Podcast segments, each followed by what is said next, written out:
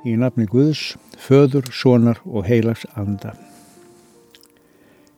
Í frum kirkjunum var báðskarburinn um Jésu Krist oft kallaður vegurinn. Það er rétt lýsing. Líf Kristins einstaklings er vegferð. Vegferð hefur stefnu, takmark. Takmarkið er nefnt í trúarjáfningunni þar sem talað er um upprissu og eilíft líf. Lindardóma upprissunar og eilífa lífsins skilur enginn. Þeim sem trúa er sá lindardómur í hendi frelsarans Jésu Krists. Himinn og jörð munu líða undir lok, en orði mín munu aldrei undir lok líða, sagði hann. Heyrum líka orð úr þriðja kapitula Kólossusbreyfisins. Fyrst þið því eruð uppvakin með Kristi, þá keppist eftir því sem er hér evra, þar sem Kristur situr við hægri hand Guðs. Hugsið um það sem er hér evra, en ekki um það sem á jörðinni er.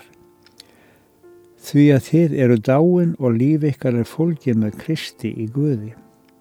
Þegar Kristur, sem er líf ykkar, ofinberast, þá munu þið ásamt honum ofinberast í dýrið en nú skulu þið segja skilið við allt þetta. Reyði, bræði, vonsku, lastmæli, svíverðilegt orðbræð, ljúið ekki hvert að öðru því það hafið afklæst hennum gamla manni með gjörðum hans og íklæðist hennum nýja sem Guð er að skapa nýju í sinni mynd til þess að þið fáið gjör þekkt hann.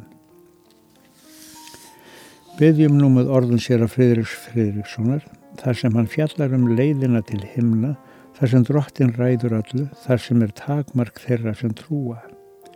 Beðjum því og segjum, til heiminn sala mín likur leið, þar ljúft er heima að búa. Þar sorgar enginn ei syndnja neyð, þar sé ég vinana grúa. Þar hlotnast gleðin sem ég hef mist, því heimig langar að fara. Þar hitt ég vin minn, hinn kvíta krist og helgan útvaldra skara.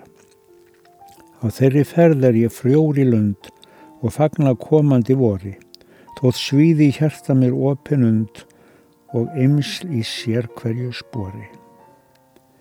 Til sara heiminn sem síði ég kem, þar synd og bölum og gleima, þar er hinn nýja Jérúsalem, þar á ég nú þegar heima. Fadur vor, þú sem ert á himnum, helgist þitt nafn, tilkomið þitt ríki, verði þinn vilji svo á jörðu sem á himni. Gef oss í dag vort daglegt brauð, fyrirgef oss voru skuldir, svo sem við erum fyrirgefum vorum skuldunautum. Egi leið þú oss í freysni, heldur frelsa oss frá yllu því að þetta er ríkið, mátturinn og dýrðin að eilífu.